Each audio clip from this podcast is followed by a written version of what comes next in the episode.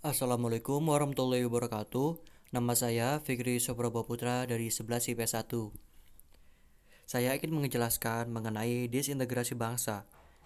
Disintegrasi adalah keadaan tidak bersatu padu yang menghilangnya keutuhan atau persatuan serta menyebabkan perpecahan. Atau singkatnya, disintegrasi bangsa adalah di mana suatu bangsa tidak mempunyai rasa persatuan dan kesatuan satu sama lain. Disintegrasi bangsa ini jelas merupakan suatu pintu masuk dari awalnya perpecahan. Banyak sekali faktor penyebab yang bisa mengakibatkan disintegrasi bangsa ini. Faktor yang sangat dominan dari awal timbulnya disintegrasi bangsa ini adalah kesenjangan dan minimnya toleransi. Kesenjangan jika kesenjangan itu terjadi, seperti misalnya si A lebih diprioritaskan dari si B, atau wilayah ini lebih dimakmurkan dari wilayah yang itu, maka tidak menutup kemungkinan disintegrasi bangsa akan terjadi. Setiap orang pasti akan saling membenci. Orang bisa memberontak untuk menuntut apa yang seharusnya mereka dapatkan. Kemudian, minimnya toleransi. Toleransi adalah jalan bagi masuknya suatu persatuan dan kesatuan serta jalan dalam menuju integrasi. Jika itu hilang, maka kita semua tahu apa yang nantinya akan terjadi. Minimnya toleransi seseorang yang tidak mau menerima perbedaan di sekitarnya atau menganggap rendah perbedaan itu, maka itu bisa mengakibatkan perpecahan.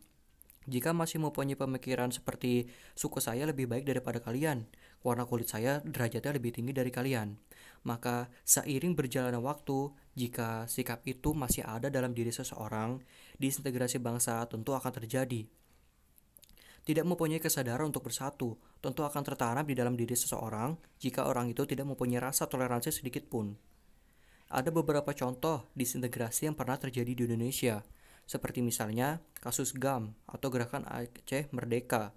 Mereka ingin memisahkan diri dari Indonesia karena kesenjangan yang mereka terima, yang di mana pengelolaan sumber daya alam oleh pemerintah yang ada di Aceh hanya ditujukan oleh masyarakat Jawa saja.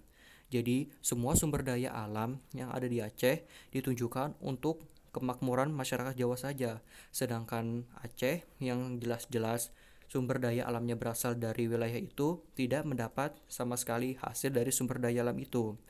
Hingga akhirnya masyarakat Aceh membuat suatu gerakan bernama Gerakan Aceh Merdeka yang di mana mereka menuntut ingin memisahkan diri dari Indonesia dan ingin mengurusi sendiri sumber daya alam yang ada di wilayah mereka.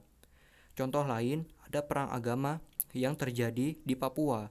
Perang ini terjadi antara umat Muslim dan umat Kristiani yang di mana penyebab dari peperangan itu adalah karena masing-masing dari mereka tidak mempunyai sikap toleransi sehingga terjadilah perang yang memakan banyak korban jiwa. Ini membuktikan bahwa minimnya toleransi seseorang bisa mengakibatkan dampak yang sangat besar seperti perpecahan, permusuhan, peperangan, serta jatuhnya korban jiwa. Kita tahu disintegrasi bangsa merupakan suatu ancaman yang bisa memecahkan Indonesia ada upaya untuk untuk mengatasi agar diintegrasi itu tidak terjadi, seperti misalnya dengan menumbuhkan toleransi. Perlu untuk menumbuhkan toleransi, seperti dengan menghargai perbedaan, seperti perbedaan agama, suku, ras, dan lain-lain.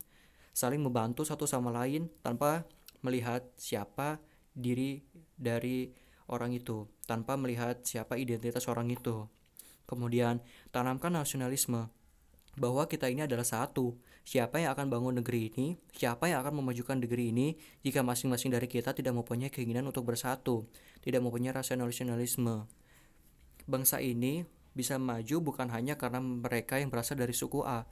Bangsa ini tidak akan maju hanya karena mereka yang berasal dari agama B.